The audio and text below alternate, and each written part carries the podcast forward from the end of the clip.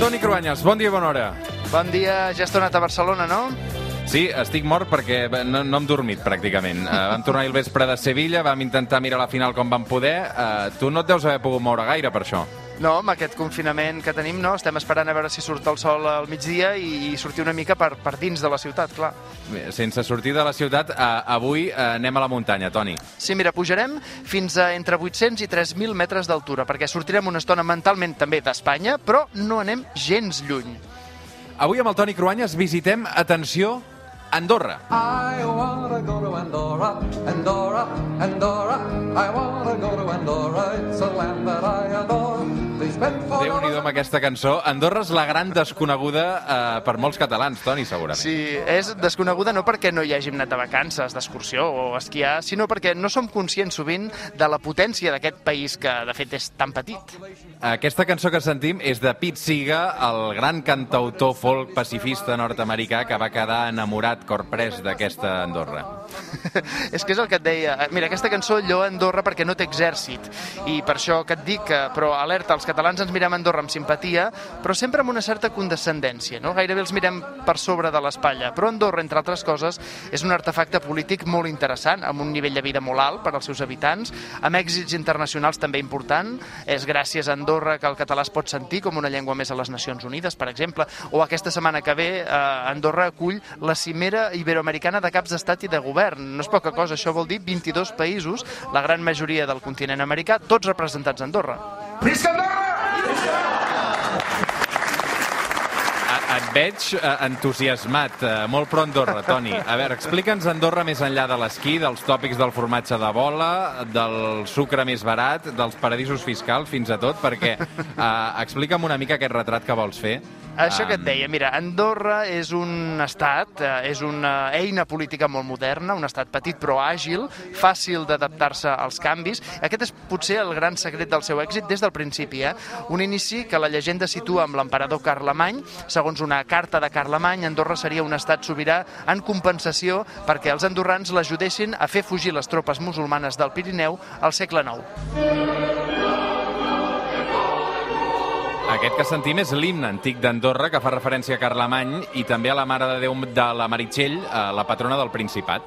Sí, i la lletra diu creient i lliure 11 segles, creient i lliure vull ser. És un himne que és gairebé una declaració d'intencions. A veure, més enllà de la llegenda de Carlemany, perquè no està aprovada aquesta carta de Carlemany, sí que Andorra neix de la partició que es van fer de la vall, el comtat de Foix i el bisbat d'Urgell. Estem parlant del 1278, el que era tan poderosos els reis de les seves, des de les seves capitals com els nobles que controlaven cadascun dels territoris, com també la jerarquia de l'Església. De fet, segles després, el, el comtat de Foix i el bisbat d'Urgell acabarien sent França i Espanya, dos estats diferents i separats. Aquí els andorrans van ser molt hàbils per mantenir la seva sobirania. Per exemple, durant la Guerra de Successió Espanyola, la seva autonomia va permetre que Felip V, per exemple, no cregués necessari lluitar per annexionar-la. De fet, fins i tot, entre França i Espanya podria haver-hi un cert interès a dividir encara més els territoris de parla catalana. Ja hi havia hagut el Tractat dels Pirineus i per la part espanyola es divideix també Catalunya administrativament, se la separa del País Valencià o de l'Aragó a partir d'aquestes noves fronteres internes dins d'Espanya amb el decret de nova planta. I pel, per, per la part francesa, el comte de Foix ja havia cedit el seu dret de copríncep al rei i, és clar després, al president de França. I la Revolució Francesa va tenir un impacte important també per Andorra, no? Tant la Revolució com després Napoleó, que de fet es va annexionar Andorra i Catalunya a l'estat francès per un període molt curt, va durar molt poc, però sí que els nous valors republicans i revolucionaris de França van deixar petja en un règim andorrà pràcticament medieval. Volien acabar amb els privilegis estamentals, ha els corrents jacobins, sobretot de França, però també d'Espanya, que volen en un moment determinat, per exemple, acabar amb l'escolarització en català a Andorra. I a tot això arribem al segle XX, on Andorra viu episodis històrics rocambolescos. Per exemple, hi ha un home d'origen rus que s'autoproclama el rei d'Andorra. perquè vegis com de determinant van ser els anys 30 i 40 per entendre l'Andorra d'avui. Hi ha aquesta anècdota, pràcticament, no? que és que el baró rus Boris Skosirev va ser durant uns dies rei d'Andorra, amb el nom de Boris I. Això va ser l'any 1934, perquè els andorrans volien frenar les amenaces d'annexió i pensaven que la via monàrquica despertaria suports i simpaties internacionals. Però el gran moment per Andorra és la Segona Guerra Mundial. Llavors és quan defineix un rol que pot ser útil per al franquisme de l'època, eh, per a Espanya, tenir un país petit que fa de refugi, de paradís fiscal, com també de territori a l'ombra dels ulls internacionals. Bé, doncs això els hi va bé. La baixa o inexistent fiscalitat, de fet, ha estat la gran arma d'Andorra a la segona meitat del segle XX, juntament amb, després, el turisme de masses i l'esquí. La force de votre nation, le travail opiniâtre des Andorranes et des Andorrans ont construit cette nation qui se tient debout au milieu des montagnes. Aquest és Macron, el president francès, que diu la feina feta pels andorrans i les andorranes ha construït aquesta nació que es manté dreta al mig de les muntanyes. Eh? És molt curiós aquesta combinació del copríncep francès amb el copríncep episcopal, que ara és Monsenyor Joan Enric Vives. El pes de l'Església ha fet que algunes legislacions, com la de l'avortament o els drets LGTBI, hagin trigat molt a evolucionar a Andorra. No? Per la seva banda, França ha estat clau per ajudar Andorra a integrar-se parcialment a les institucions europees i d'aquesta manera anar rebaixant el nivell d'opacitat dels seus bancs.